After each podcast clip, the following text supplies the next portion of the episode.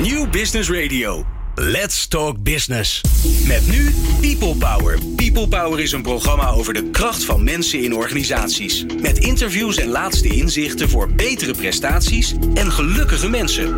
Welkom bij People Power Change. Ja, dames en heren, de wereld verandert in rap tempo. En om mee te kunnen in die verandering moeten de meeste organisaties hun manier van werken niet één keer, niet twee keer, maar voortdurend aanpassen.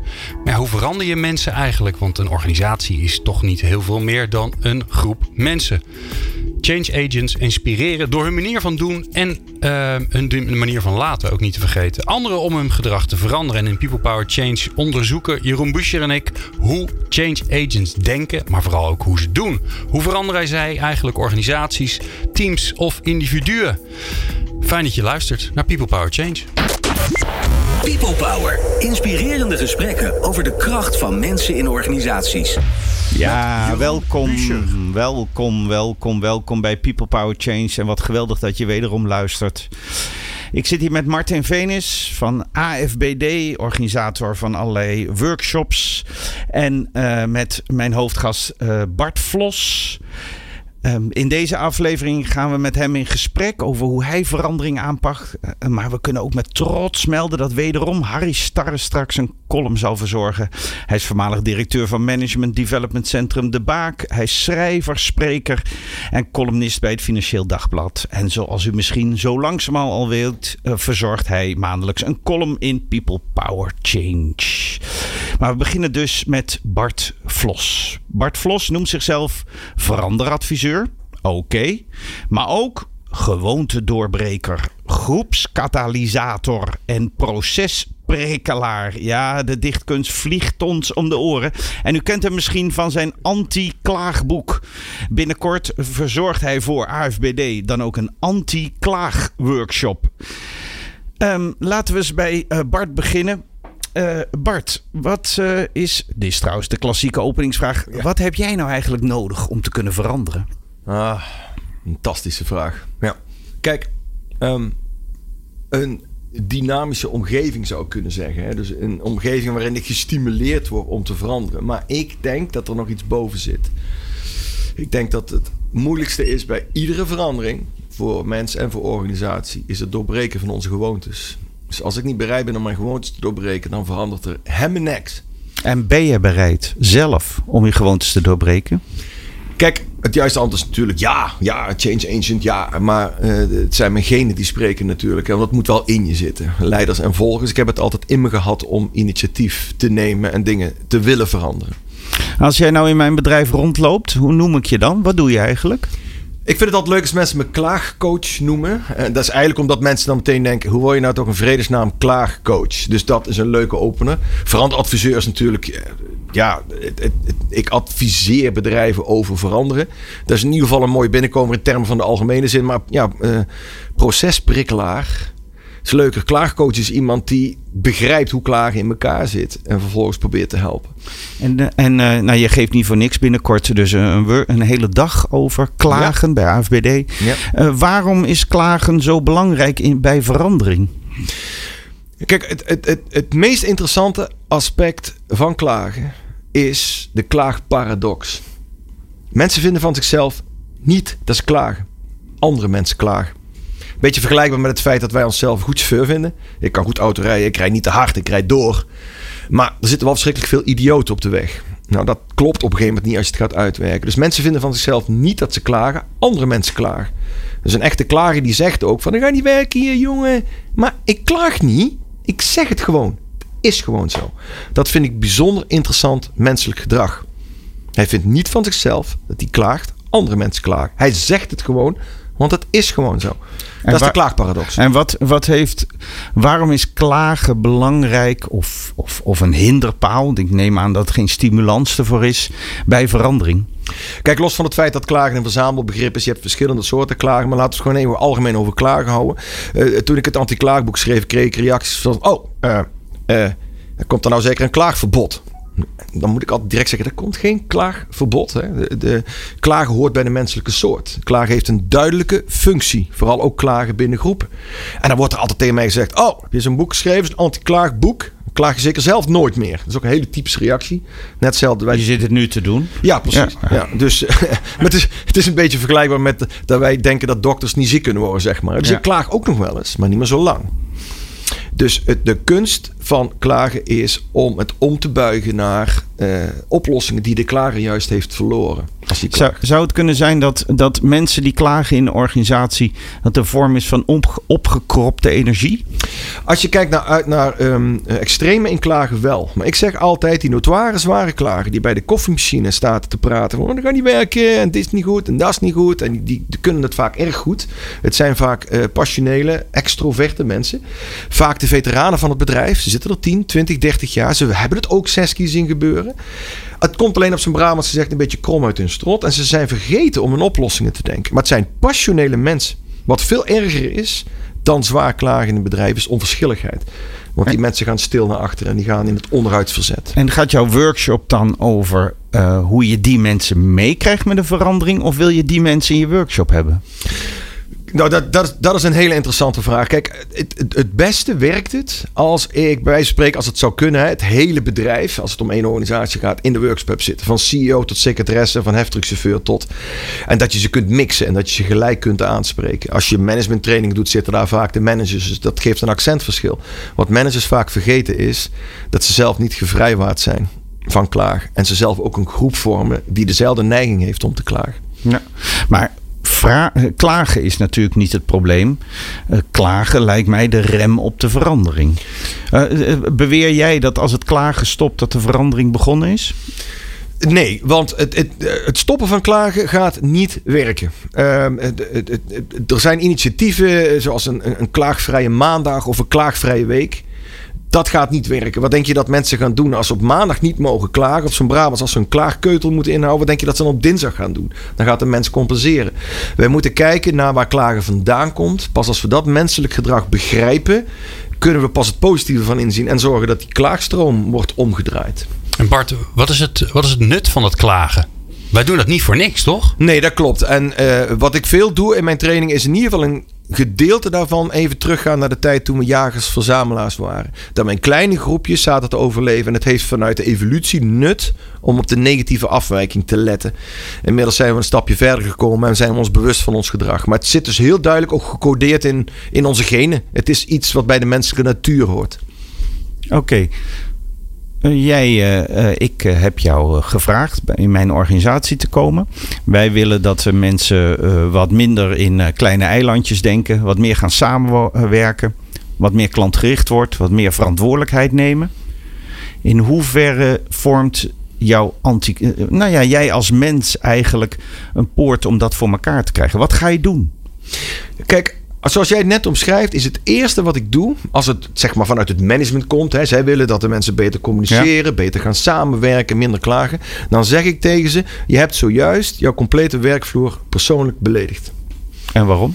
Omdat jullie zeggen dat ze beter moeten samenwerken, dat ze meer in groepjes samen naar oplossingen moeten kijken. Zij vinden van zichzelf helemaal niet dat ze dat niet goed doen. Zij vinden dat ze dat al lang kunnen. Zij communiceren al goed. Zij werken al goed samen. Zij doen ook al synergie en efficiëntie. Maar jullie managers zijn te weinig op de werkvloer. Kom eerst maar eens hier kijken om te kijken hoe het gaat. Dat is de primaire boodschap die ik afgeef. Ieder veranderproces wat je gewoon naar beneden slingert, daarmee beledig je de werkvloer. Je hebt hun niet gevraagd wat het probleem is. Ze vinden al lang dat ze goed communiceren, goed samenwerken en ze vinden van zichzelf helemaal niet dat ze klagen, andere mensen klagen. En dan, kom ik weer, dan lijkt het alsof jouw visie op veranderen is dat je de latente energie die in de organisatie is moet activeren en dat er dan vanzelf verandering ontstaat. Ja, nou, verandering. Uh, kijk, ik vind het zou mooi zijn als verandering vanuit zichzelf komt. Hè. Er geldt zo'n adagium in een veranderkunde. Mensen willen best wel veranderen, maar ze willen niet veranderd worden. En dat hele uh, uitdrukking, de hakken in het zand, komt ook letterlijk van dat we geduwd worden in een richting die we niet kunnen overzien. dus dat betekent dat als we dat doorhebben, als wij doorhebben dat mensen die weerstand tegen veranderen hebben omdat ze geduwd worden. Als we dat eerst doen en we begrijpen dat ze niet klagen, maar ze vinden dat anderen klagen. En als we begrijpen dat wij ieder veranderd proces onderaan moeten beginnen en niet van boven naar beneden moeten klatsen, dan pas verandert er wat. Martin, uh, jij bent van AFBD. Jullie presenteren de workshop hier in Nederland, de anti-klaagworkshop. Ja, ja, zeker. Jullie hebben een keuze uit heel veel goeroes die voor jullie workshop willen werken. Maar jullie hebben gekozen om, uh, om Bart hier onder meer voor te vragen. Ja. Wat vind jij nou de grote kracht van zijn aanpak? Nou, ik heb zelf de workshop ook uh, ja, deelgenomen natuurlijk. Heel goed. En wat ik daarin eigenlijk ondervond is dat Bart vanuit zijn passie en energie ook ja, die mensen in beweging weet te brengen. En daardoor ook een stukje de bewustwording bij zichzelf, waar Bart het ook had, van het management dat zich moet verdiepen in die medewerker en hoe dan die passie van die mensen ook uh, aan te spreken. Nou, en daar zie ik als, ja, als Bart eigenlijk, zijn energie is daar een hele grote, ja, laten we zeggen, factor in. En natuurlijk ook het stukje, ja, het anti-klaagboek geeft dan een, een kapstok voor de dag, waarin Bart, uh, ja, zijn ding kan doen. Ja. En ook de mensen mee kan nemen met zijn energie en in die verandering ja, eigenlijk teweeg kan brengen. Dus, dus de, de grote kracht, hoor ik jou zeggen, van Bart is zijn aanstekelijkheid. Ja, zeker deels. Um, dat lijkt mij een geweldig bruggetje naar het tweede gedeelte uh, van dit gesprek. Waarbij we eens gaan kijken uh, dat aanstekelijk zijn, Bart. Hoe doe je dat nou? People Power. Inspirerende gesprekken over de kracht van mensen in organisaties. Ja, en u luistert nog steeds. Wat ben ik u dankbaar. Mijn naam is Jeroen Buscher. Ik zit hier met Martin Venis van AFBD. Maar vooral met Bart Vlos. Eén brok dampende, stampende energie. Zeker niet uit Groningen. Ik vroeg hem net, kom je eigenlijk uit Brabant? En zijn antwoord had eigenlijk kunnen zijn, is de, Room, is de paus eigenlijk wel Rooms? Um, uh, Bart, um, um, jij verandert door aanstekelijk te zijn. Vertaal ik het naar mijn eigen laatste boek. Wat, wat, uh, hoe zet je dat bewust in? Uh, ja, maar eh, niet op de. Kijk, ik heb best wel moeite met het woord goeroe. Want dat wordt tegenwoordig gebruikt. Hè, goeroe, nou, een, een, zal ik ook niet gebruiken hoor. Nee, heb je, heb je ook niet gedaan. Dat, dat, dat scheelt. Nee, het, het woord goeroe, dat herinnert mensen aan dat ze ergens aan de, aan de rokken of de jaspannen van iemand blijven hangen. En als die dan weg is, dan weten we niet meer wat we moeten doen. Wat we moeten doen. Een van de primaire drivers van mijn verhaal is, en ik zeg het ook vaak in workshops en in training, blijf nou niet aan mijn jaspanden hangen. Ik ben dadelijk weer weg. Jullie moeten het doen. Of dat nou managers zijn of medewerkers. Ze moeten onderling iets gaan doen aan dat gedrag. En een van de makkers van workshops tegenwoordig, en dat is puur algemeen gesproken, is dat we heel ons best doen in de workshop. Doen allemaal oefeningetjes mee enzovoort. En de volgende dag gaan we precies hetzelfde doen. Omdat we geen link hebben gelegd naar de werkelijke wereld. Oké. Okay. Ik hou er altijd van dat dit programma gaat over wat doe je dan precies. Hè? Ja. Hoe doe je dat? Dat is het centrale thema. Um, ja, maar ik, ik wil heus wel dat het anders is, maar ik kan daar niks aan doen, want het mag niet van de baas en die andere mensen werken niet mee. Wat zeg je dan tegen mij?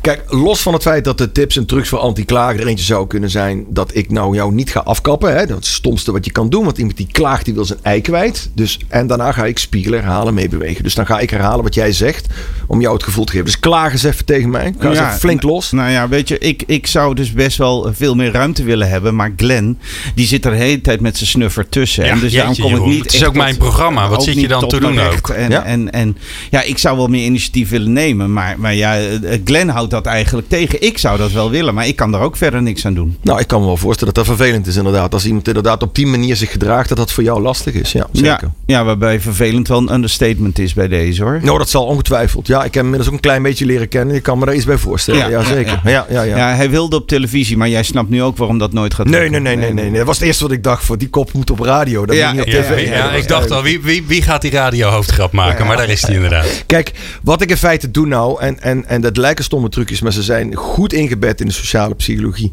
Als ik jou had afgekapt, zo van, man, zeik er niet zo, jongen. Altijd dat, je zit altijd over hem te zeiken. Dan heb, ik gewoon, dan heb jij het gevoel, ja, je, je zit me gewoon, ik vind jou niet leuk. Je snapt mij gewoon niet, want ik klaag niet. Ik wil het gewoon even kwijt. Dus door jou niet af te kappen en eventjes naar je te luisteren en dat te herhalen in mijn eigen bewoordingen. Nou gingen we net een beetje overdreven. Ja. Voor het weten is het roddelen over een persoon. Maar ik herhaal wat jij zegt, zodat jij het gevoel krijgt, oh, dat is best wel aardig. Die snapt een beetje wat mijn probleem is. Dat doe ik niet een kwartier, want dan wordt het een klaagzang.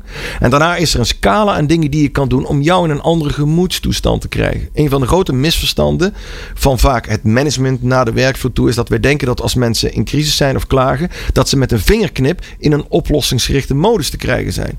Dat kan niet. Mensen die klagen zien alleen maar het probleem. En het is versterkt in die kleine groepen waarin ze opereren en constant die negatieve energie uitwisselen. En, en ben jij dan een grote ombuiger die de negatieve energie steeds weer ombuigt naar een andere type energie? Ik heb maar um, beperkte invloed. Ik zie groepen tijdelijk. Hè. Kijk, even los van het feit dat ik als veranderadviseur een verandertraject begeleid, dan prik ik regelmatig. Zelfs dan ben ik niet rechtstreeks betrokken bij de verandering, maar prik ik in, in de periferie van die verandering. Heel simpel, dan zeg ik ook altijd 99,9% zijn ze gewoon met elkaar en daar moet het gebeuren. Yes, en dan ook nog, niet alleen zijn ze met elkaar, maar kom je in een bedrijf van een paar, waar een paar duizend mensen werken of een paar honderd.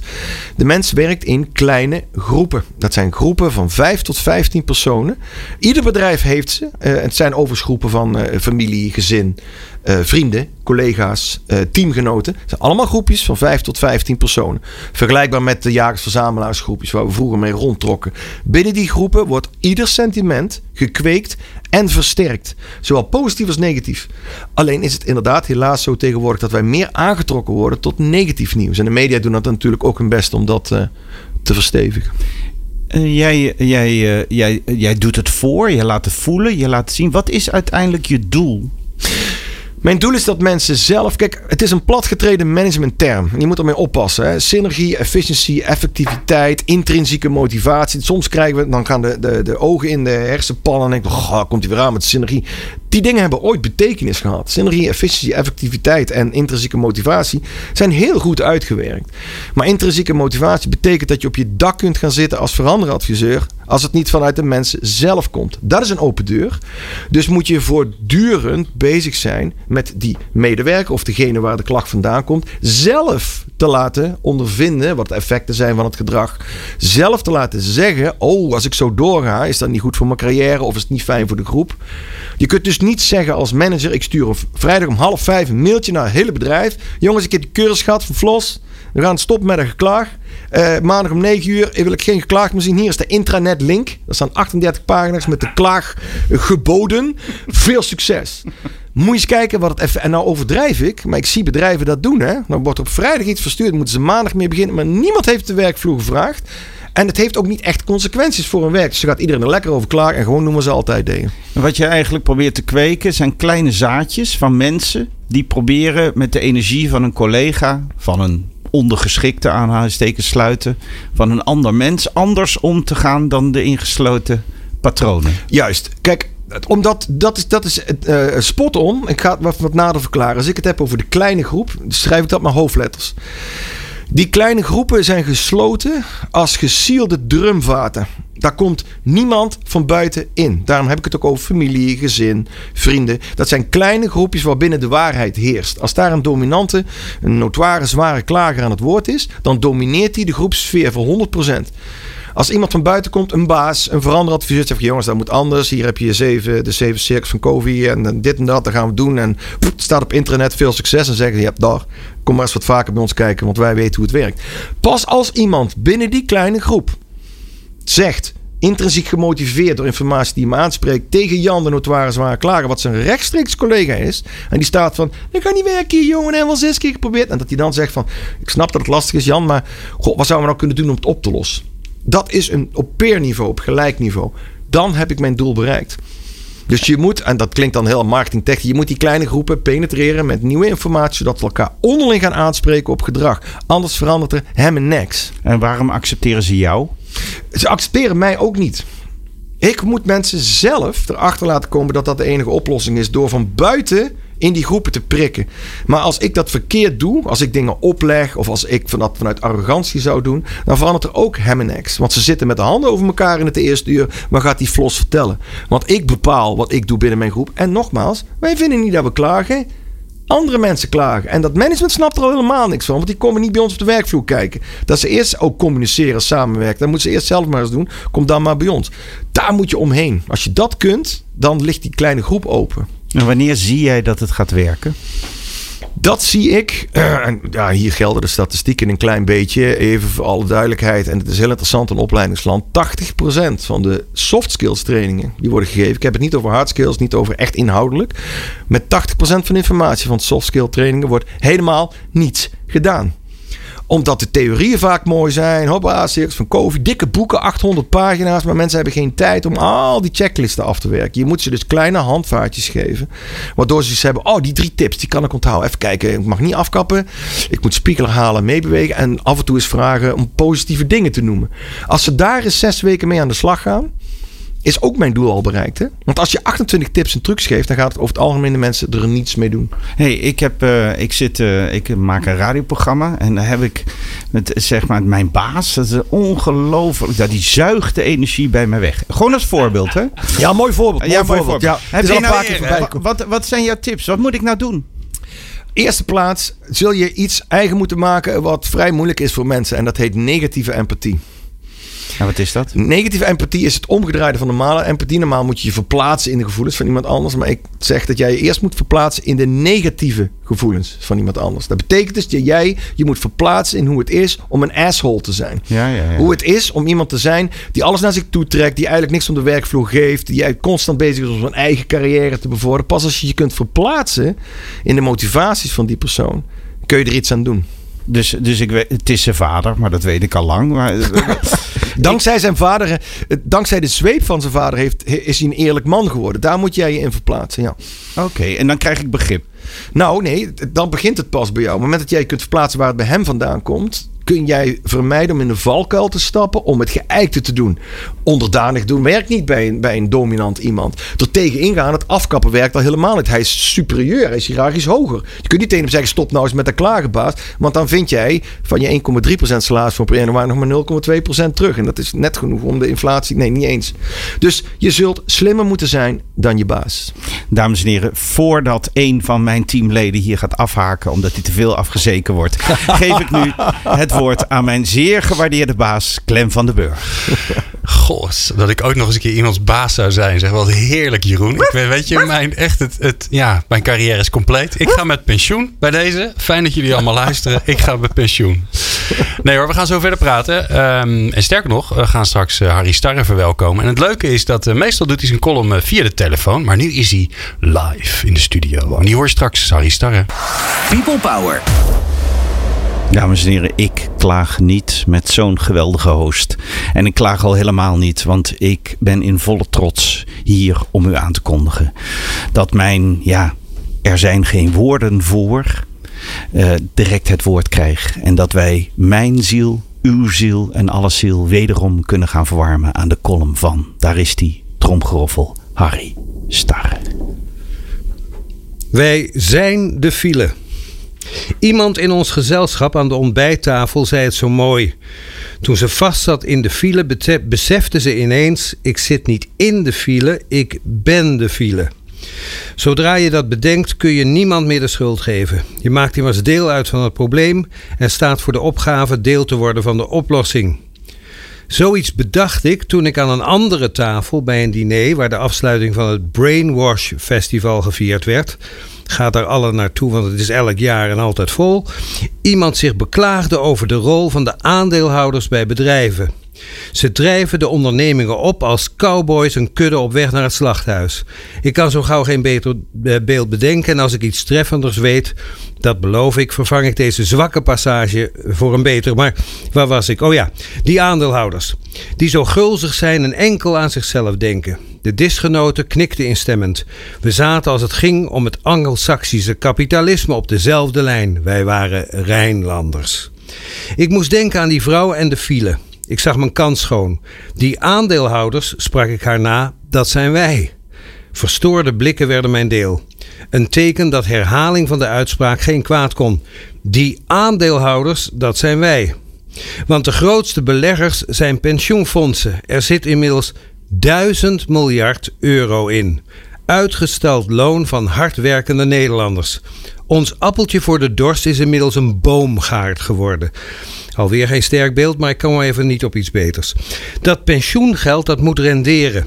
Het is voor een groot deel belegd in aandelen en obligaties. We zijn ongemerkt allemaal groot aandeel geworden in Nederland en de globale economie. Want we zijn zo rijk dat al dat geld al niet meer in de Nederlandse economie past. Onze bezorgdheid over de wereldvrede is zo beschouwd wel begrepen eigenbelang, want we zitten er met ons geld in. En dan wordt het serieus. Wie klaagt over het gedrag van de aandeelhouder met hun gulzige blikken en gretige armen, die heeft het dus eigenlijk over zichzelf. Om de verhouding een beetje aan te geven, het pensioenfonds van de piloten van KLM eh, kan, als ze zich kwaad maken, de KLM een keer of tien om, opkopen. Zo liggen de verhoudingen inmiddels. Dat zou de salarisonderhandelingen meteen een stuk makkelijker maken, want je ging er dan zelf over. En dan maakt hij de kosten voor je eigen bedrijf hoger, dus misschien worden die uh, lonen dan niet eens zo hoog. Dat geldt overigens ook voor Philips, voor AXO, voor Unilever. Maar nou komt het gekke. Die fondsen beheren ons geld, maar betrekken ons niet bij hun beleggingen. En dat is een beetje gek. Het is ons geld, ons uitgestelde loon. Wat zou er met ondernemingen gebeuren als wij als eigenaren van de volgzame beleggers die pensioenfondsen zijn, er ineens achterkomen dat ze niet in de file zitten, maar de file zijn? Dat die bedachtzame spaarzin, die voor ons zo kenmerkend is, we zijn nou eenmaal mensen van het noorden, onze macht, ons macht en invloed geeft die we ongebruikt laten. Dat onze rijkdom onze stem zou kunnen geven die meer indruk maakt dan die vierjaarlijkse routine in het stemhokje. Waarom gebruiken we onze invloed niet? Nu maar hopen dat Arjan Lubach dit oppakt. En tegen de tijd dat Buma erachter komt wat er gaande is, hebben we tijd genoeg om hem uit te leggen dat we besloten hebben als groot aandeelhouder zijn mening hierover te negeren. Het is even niet anders, Buma. Hij zal het vast begrijpen. Dankjewel, Harry Starre. Meepraten of meer programma's? people-power.nl ja, en als je denkt, uh, daar wil ik veel meer van, dan moet je lekker blijven luisteren. Want straks in het tweede uur, dat duurt nog eventjes hoor, maar om vier uur, dan uh, gaan we een uur lang uh, naar Harry luisteren. Want dan begint hij samen met mij een nieuw programma, Leading People Power. Dus dat hoor je straks. Maar Jeroen, nou, wij zijn nog lang niet klaar. Nee, wij zijn nog zeker niet klaar. En uh, Bart, deze column moet jou uit het hart gegrepen zijn als je hem niet zelf geschreven had. Want voor mij was het centrale woord eigenaarschap. Ja. En, en eh, jouw verhaal tot nu toe klinkt dat je probeert mensen eigenaar te laten zijn van hun eigen werkomstandigheden. En niet te klagen dat ze de anderen gestuurd worden. Ja, ja, ja. En, en hoe zorg je ervoor dat dat eigenaarschap uiteindelijk gepakt wordt? Kijk, wij moeten paradoxen omzeilen als iets willen veranderen. Ik zei het al eerder, mensen vinden niet dat ze klagen. We moeten ook erkennen dat we allemaal gewoontedieren zijn. Maar heel belangrijk, bij ieder veranderproces is... de mens heeft van nature de neiging als er iets misgaat... om het buiten zichzelf te leggen betekent dus dat wij in een voorstelrondje nooit zullen zeggen: stel je voor, een voorstelrondje, Bart Vlos, vertel eens wat over jezelf. Dan zal ik nooit zeggen van: ja, ik ben Bart Vlos. Ik ben een uh, samenwerkingssaboteur. Ik heb een hekel aan samenwerken. Echt. Het is dat ik mijn geld moet verdienen, maar die collega's van mij echt minkukels van de eerste orde. En begin alsjeblieft niet over het management. Dus ik doe mijn best om alle voortgang, alle verandertrajecten, al dat gezeik over communicatie en strategie gewoon onderuit. Zo stelt niemand zich voor iemand zegt: Hallo, ik ben Bart Vlos. Ik ben uh, goed in samenwerken. Ik vind synergie leuk. En, uh, en ik doe altijd mijn best om anderen te helpen. Om een betere versie van zichzelf te worden. Bla bla bla. Als het niet goed gaat. Als iets is mislukt, als er fouten worden gemaakt in de samenwerking, leggen wij dat buiten onszelf. En dan waren die anderen, het was hartstikke druk, kon er niks aan doen. Als iets goed gegaan is, zeggen we ja, dat is dankzij mijn vaardigheden en mijn skills heb ik bijgedragen aan dit succes. Dat was ik. Maar als het misgaat, niet. Dus zul je iets moeten doen om die dingen die ingebakken zitten in ons, naar de negatieve afwijking kijken. In een sleur terugvallen, vlak na een opleiding die we hebben gevolgd. Ik verbaas me altijd over dat managers in een opleiding komen klagen over wat er al mis op de werkvloer. En als je dan na zes weken gaat bellen hoe is het gegaan, niets hebben gedaan om dat te veranderen. Dus dan zit je acht uur lang in zo'n workshop. En dan zeg ik, nou ja, je hebt al, dan had je beter die bordjes op die paaltjes uh, recht overeind kunnen houden. Die drie dingen de klaagparadox omzeilen. Erkennen dat we gewoontedieren zijn die zo snel mogelijk terugvallen in wat we altijd deden. Klagen over de verandering, precies die routinehandeling doen. Maar vooral ook de mensen stimuleren om in te zien dat ze zelf iets moeten doen. En dat kan alleen maar als je je gewoontes doorbreekt. En, en waarom lukt jou dat? Kijk, het, het, is relatief. Ik zou graag zeggen dat me dat in 100% van de gevallen lukt. Dat is niet zo. Het, het, interessante is, als je naar groepen van. Pak even een groep van 100 mensen, dat is een mooi getal. Uh, vijf, een paar daarvan, twee of drie, zijn notoire zware klagers. Forget it, die bereik je niet. Op een of andere manier komen ze wel naar dat soort workshops, omdat ze gezonder worden, omdat ze moeten. Of omdat ze het leuk vinden om het dan een drie te geven, zeg maar, aan het einde. Die zitten er een hele dag bij, zitten met de handen over elkaar en die zie je gewoon, die bereik je niet. Dat doe ik het niet voor. Zit er altijd in, zijn leuke voorbeelden.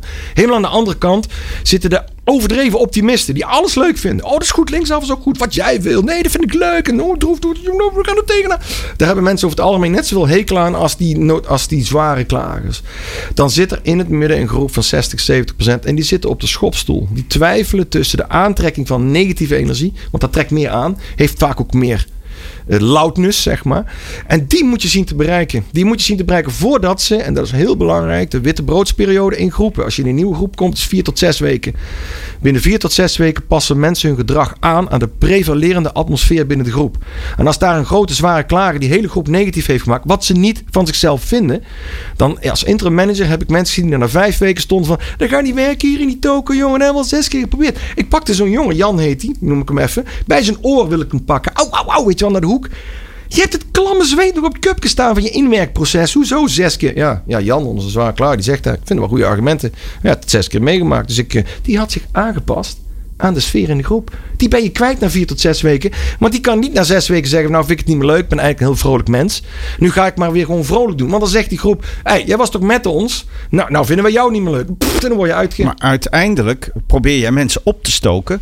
Eh, de, de, de common, common sense van een groep te doorbreken. je zoekt nieuwe leiders. Klopt. Opstoken vind ik een prima woord. Als je er positief of negatief voor moet zeggen. Want die zware klaren stookt de groep negatief op. Ja. Ik zou het fijn vinden als één of twee mensen in zo'n kleine groep positief opgestookt worden. Om een vinger op te steken en zeggen: Jan, kom op. Nou weten we het onderhand wel. Hè?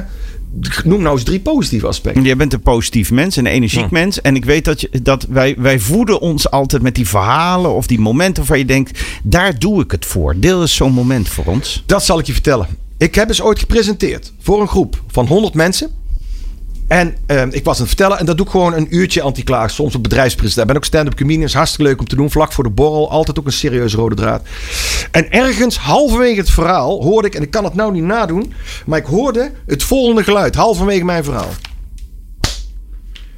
Iemand petste zich voor het cupje. Die had dezelfde haarimplant als ik. Ja, op mijn Wij zitten onder de spetters nu, dames en heren. Ja. En ik, ik zag hem zitten daar. Er zat in het midden zat zo'n man. En die, gedurende het verhaal had- sloeg hij zichzelf voor de kop. En daarna zat hij hoofdschuddend de rest van het half uur uit. Nou, wat ik leuk vind. Ik ga daarna naar de borrel. Biertje meepakken. Want het was vlak voor de borrel. En ik zoek hem dan op. En ik vond hem daar. Ik zeg, wat was er met jou dan? Wat bleek nou? Het ging over de invloed die klagers hebben in kantooromgevingen. Hij had de hele dag samengewerkt met Piet, zijn collega. En hij was gereinigd die dag. Dus dit was niet goed. Ingegroeide teennagels. Rutte moest oprotten. Autochtonen, allochtonen. Het systeem was traag. Er is geen wifi. Bla bla bla. De hele tijd. Zijn collega vroeg op een gegeven moment. Op een gegeven moment vroeg hij aan Piet. Dus de klager aan Piet. Hé, hey, om half vier zo. eh, Zal ik even, ik even koffie halen? Wil je een bakje koffie? En weet je wat die collega zei? Weet je wat jij met je koffie kunt doen? En die maakt een gebaar wat je gelukkig niet kunt zien. Klapt zo'n laptop eh, dicht en rent het kantoor uit. En Jan dacht, nou wat een, wat een onaardige man zeg. Ik bied hem een kopje koffie aan en dan gaat hij weg. Gedurende mijn verhaal realiseerde ik, ik heb hem de hele ochtend en een gedeelte van de middag zitten bestoken met alles wat negatief is. En dan bied ik hem een kopje koffie. Ja, die man is natuurlijk totaal chagrijnig geworden. Hij besefte zich, ik kan ook af en toe wel eens wat positiefs brengen. En daar doe ik het voor. Mooi. Ja, mooi. Ik vind hem heel mooi. Je kan nog wel eens een keer uitnodigen. Volgens mij, eh Bart, die kletst zo nog een uur vol. No worries. Ehm, eh, we gaan straks, ik ben wel benieuwd Jeroen, want straks gaan we weer een beetje uitzoomen. Dat vind ik altijd wel leuk. Dus we gaan straks eh, uitzoomen en dan gaan we aan Bart vragen van... Oké, maar wat is dan... Hè, ook even wat verder kijken, even wat groter kijken. Wat zie je dan? Dat hoor je straks. People Power. Inspirerende gesprekken over de kracht van mensen in organisaties. Ja, welkom voor het laatste stukje. Mijn naam is Jeroen Buscher en ik zit met Bart Vlos en Martin Venis van AFBD. En Bart Vlos vertelt hoe hij met zijn ongebreidelde eh, Brabantse enthousiasme organisaties, teams en mensen op sleeptouw neemt. Wat maakt, want jij bent toch uiteindelijk door je onderwerp, Bart, omsingeld door mensen die klagen. Daar krijg je veel mee te maken. Ja. Maar ik, ik maak jou nu het afgelopen uur mee als een heel positief, enthousiast mens. Niet die zegt, nou ik heb nou zo vaak zitten sleuren. Ik ben er helemaal zat van en ik weet het nu. Het komt door Glenn en ik kan er ook niks aan doen. Waar haal jij die positieve energie vandaan voor jezelf? Kijk, zijn twee dingen heel belangrijk. Je moet een klein beetje een olifantenhuid ontwikkelen. Want professionele klagers, zoals ik ze noem, notoire zwaarklagers, die kunnen er wat van. Daar kom je soms niet tussen. Daar moet je op een gegeven moment. Ik vind het soms ook grappig en, en interessant om te zien vanuit antropologisch perspectief. Uh, aan de andere kant uh, uh, moet ik mijn best doen om te begrijpen wat iemand motiveert. Want die 1 of 2 procent waar ik het over had, die niet te redden zijn, daar heeft, dat is gewoon in de marges, daar doe ik het niet voor. Het zijn die mensen, als je ze begrijpt waarom ze het doen, dan pas verandert er wat. Dus ik moet een olifantenhuid ontwikkelen en ik moet me kunnen verplaatsen in wat ze motiveert. Het is fantastisch, hè, de klagende medewerker. Er zit zoveel energie in. Het is ongebreideld en het is veel negatieve energie. Maar hak dat nou eens in stukjes. Kijk nou eens wat hij eigenlijk echt wil. Vaak is het ook zo dat wij niet erkennen dat het al zes keer geprobeerd is. Ze hebben gewoon niet naar ze geluisterd en dat frustreert ze. Uh, ik kan een positief mens blijven, omdat ik af en toe ook afstand neem van de materie. Dus klagen over al dat geklaagd, dat is klagen voor gevorderden. Dat heeft Rick Prikkel gezegd, dat is een Vlaming. En ik vind dat ook. Ik klaag over al het geklaagd, maar ik geef er een oplossing bij. En heel af en toe moet je even loskomen van die materie. Want als je op sociale media gaat kijken, daar, dat heeft de klaagcultuur in Nederland ernstig aangewakkerd. Ja, nou, zeker. Nou, laten we eens beginnen uit te zoomen. Ja. De mensen zijn, zijn met jou in contact geweest. Je hebt met ze gewerkt. En eh, we hebben zo'n team van, je zegt de natuurlijke habitat van de mensen is zo tussen de 5 en 15 mensen. Ja, nou, een kleine groep, ja. Laten we eens even zeggen, we hebben een team van 15 mensen. En, en daar verandert wat. Wat neem jij dan antropologisch waar? Wat gebeurt er in zo'n groep als de energie ten goede begint te keren? Het mooiste effect wat je kunt hebben, en ik heb dat wel eens op mezelf betrokken. Als een goede vriend tegen mij zegt van Bart, dat was niet handig wat je deed, jongen. Dat was veel te direct. En heb je niet gezien, je was die persoon helemaal kwijtgeraakt. Ik zou dat niet meer zo direct doen. Je kunt er best omheen. Als een persoonlijke vriend dat tegen mij zegt, ben ik geneigd om het aan te denken. Oh fuck, maar als dat van buitenaf gebeurt, ja, nee, je weet gewoon niet hoe dat werkt. En dat was gewoon omstandigheden. Maar een vriend zegt het tegen mij. Dus wat ik in die groepen zie gebeuren, is dat er twee of drie van die 15 op een gegeven moment gaan zeggen. Ook leren om niet af te kappen. Die moeten ook niet, nog steeds niet die zwaar klaar gaan afkappen. Die hebben dan geleerd om niet af te kappen. Die zullen een beetje spiegelhalen meebewegen. Maar die zullen bij herhaling steeds vragen aan Jan. Jan, kom op, nou moeten we eens even gaan kijken. Als jij het zou moeten oplossen, hoe zou je dit dan doen? Dat is een mogelijkheid. Of ze vragen gewoon van. Hé, hey, ik zag je laatst lachen. Je liep over de wandelgang. Wat was er aan de hand? Of noem nou eens drie dingen die de laatste twee weken goed gegaan zijn. Waar je echt blij van bent geworden. Als een collega dat doet, is dat goud waard. Natuurlijk moet de baas dat erkennen. Die kan niet daarna overheen gaan klagen. Die baas mag het ook af en toe doen, maar het heeft meer waarde als het onderling gebeurt. Wat, wat moet ik als manager doen om zo'n energie te laten ontstaan? Want jij komt maar even. Ik ben manager, dus ik zit er vaker. Hoe kan ik helpen? Ik zeg altijd tegen de managers: vergeet nou maar dat jij vriendjes kunt worden met jouw werkvloer. Forget it. Jij bent, ik heb het over klassieke hiërarchische organisatie. Jij staat hoger in rang. Je kunt een sympathieke manager zijn, een coachende manager. Jij bent hun baas. Jij bepaalt het salaris per 1 januari. Dus je zult nooit vriendjes met ze worden en ze zullen altijd over jou roddelen. Wat je ook doet. Je kunt het niet winnen. Je zult een balans moeten vinden, zei ik tegen die manager, tussen vriendjes zijn. Die moeten zowel sociaal zijn en geïnteresseerd zijn in hun privéleven. Dat is wat anders dan je bemoeien met hun privéleven. Maar je zult ook niet. Uh, kijk, vroeger was het in het leger zo. Als jij sergeant werd, dan werd je nooit sergeant van de groep waar je in zat. Altijd sergeant van een ander peloton. peloton. Snap ik. Omdat ze, hè, want, want je kon niet in één keer lelijk gaan doen tegen medewerkers. Dus die manager moet zich realiseren dat hij af en toe ook strikte uh, richtlijnen moet neerzetten en grenzen moet aangeven. Dus die manager moet zich beseffen dat hij nooit vriendjes wordt. En dat hij moet stimuleren het gedrag onderling te bevorderen. Maar daar moet hij ruimte voor geven. En wat ik tegen de manager zeg, dat is een vraag die ik stel. Hoe vaak kom je op de werkvloer? Middelmanagement is altijd druk met dit, druk met dat. Naar boven toe politiek bedrijf. Die zijn maar een paar procenten van de werkdag op die werkvloer. Ik zeg, daar moet jij zitten met jouw stoel, met jouw kantoor. De, de helft van de tijd moet jij je medewerkers zien. En wat moet hij daar doen? Daar moet hij gewoon zijn werk doen. Dat ook duidelijk hoorbaar is. En daar kan hij af en toe van, hey, hoe is het? Gaat het goed? Als je iets oppikt, kan je er werk van maken. Als je dat boven in je kantoortje doet, zie je dat niet. Hij moet interacteren met zijn groep. En dan wordt hij een soort natuurlijke leider, zoals het vroeger in de jagers verzamelaarsgroepjes was. Daar had je wisselend leiderschap. Er was nooit één baas van het groepje. eentje was goed in, in water zoeken. Die werd dan de leider van de dag. Dan gingen ze water zoeken. Andere was goed in wortels uitgraven. Die werd dan de leider van de dag. En andere was weer goed in uh, wild opsporen. Dus als een baas, als het ware een soort wisselende functie in dat hij af en toe gewoon meewerkt. Meewerkend, voorman, waar is dat gebleven? Maar dat hij wel het respect van de groep verdient. Kan zeggen, Jan, nou is het afgelopen. Hè? Dit is jouw taak. Dit ga jij doen en dit ga jij doen. En dat hij dat kan doen met respect van de groep. Dat kan alleen maar als hij zich ook verdiept heeft in wat die groep beweegt. Uiteindelijk vraag je hem om contact te maken. Ja, als mensen onder elkaar. Even voor alle duidelijkheid. Hè. Um, leiderschap Leiderschap is, ehm, zit natuurlijk in onze geen. Je hebt leiders en volgers.